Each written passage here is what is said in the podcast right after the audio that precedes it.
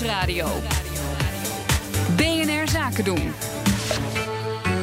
Ondernemersdesk. Wie als ondernemer wil groeien loopt tegen tal van vragen op en daarom elke maandag de Ondernemersdesk Groei met Connor Klerks. En we zijn bezig in een cursus, Connor, want eh, vandaag deel 2 van de LinkedIn Masterclass van Perry van Beek.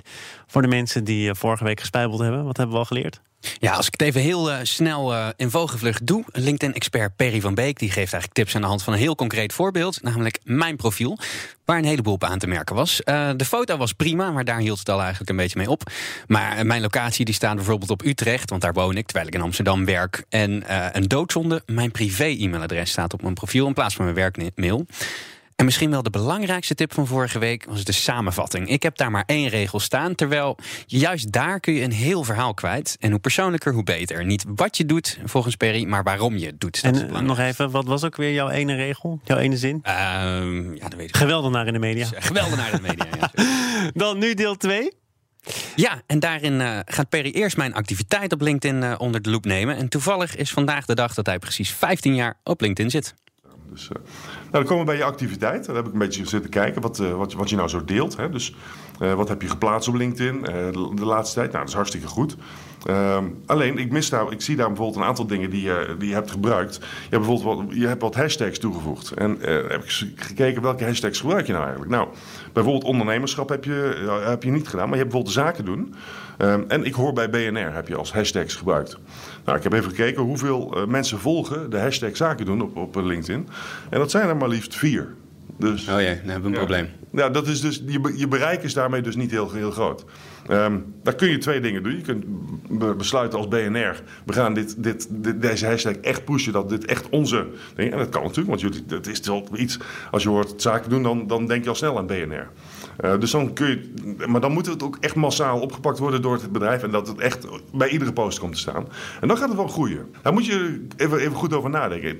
Je zou bijvoorbeeld uh, ondernemerschap toe kunnen voegen. Hashtag ondernemerschap. Die heeft 15.000 volgers. Uh, maar je zou bijvoorbeeld start-ups kunnen doen. Heeft ook 20 miljoen volgers. Dat is ook een heel belangrijk thema bij BNR natuurlijk. Dus 20 miljoen volgers. En dan bereik je toch veel mensen. Alle Nederlanders die de start-ups volgen, die krijgen dan veel meer uh, jullie berichten te zien. In hun timeline natuurlijk. Dus op een natuurlijke manier. Nou, dan komen we bij je, bij je werkervaring.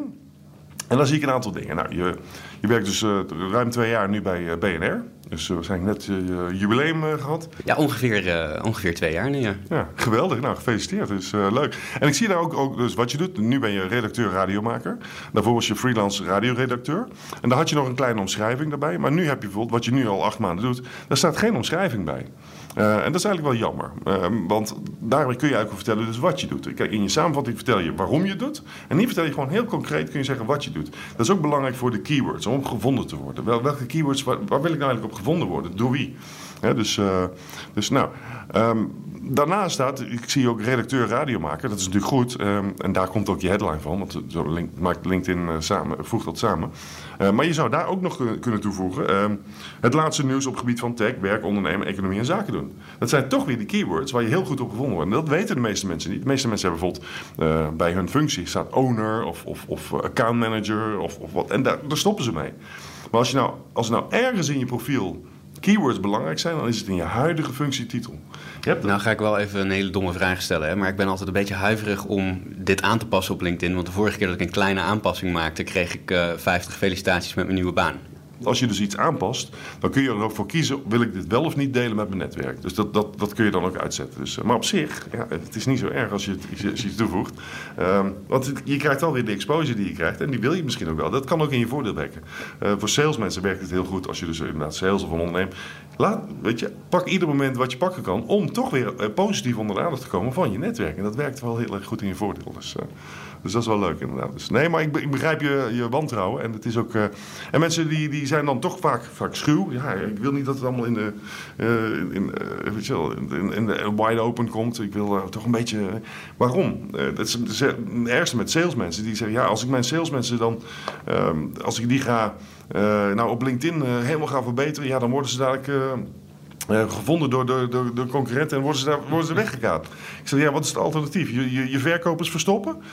Dat is namelijk de andere kant. Dus, Ja, dus, en daar, dat, dat risico loop je natuurlijk toch. Maar we hadden eerder al gesprek. Ja, als je, dan moet je gewoon goed voor je mensen zorgen. En moet je vertrouwen hebben dat je, eh, dat je mensen ook bij je willen, willen werken, werken en bij je willen blijven. En dat, dat, dat is jouw verantwoordelijk als, verantwoordelijkheid als werkgever. En dan heb ik eigenlijk de belangrijkste dingen gehad. Ik, ehm, ehm, ik zou je nog wel willen, toe, willen, willen toevoegen. Als je nou weet welke, wat je belangrijkste keywords zijn. Ehm, ga die ook toevoegen aan je vorige functies. Want LinkedIn eh, redeneert heel simpel. Als, als jij bijvoorbeeld, het, het- noem maar, ehm, zaken doen weer. De keyword zaken doen. Als je die gaat toevoegen aan je functies bij freelance writer, eh, redacteur voor 3 voor 12. Als je die daar gaat toevoegen dan, en iemand zoekt op zaken doen, of economie of, of, of, start-up. eh, en als ze daarop zoeken, dan zegt LinkedIn: oké, dit is iemand die dat in, in een vorige functie al deed, of in me- meerdere vorige functies en nog steeds doet. Dus Dus die heeft daar ervaring mee. die heeft ervaring mee, die is relevant voor deze zoekopdracht.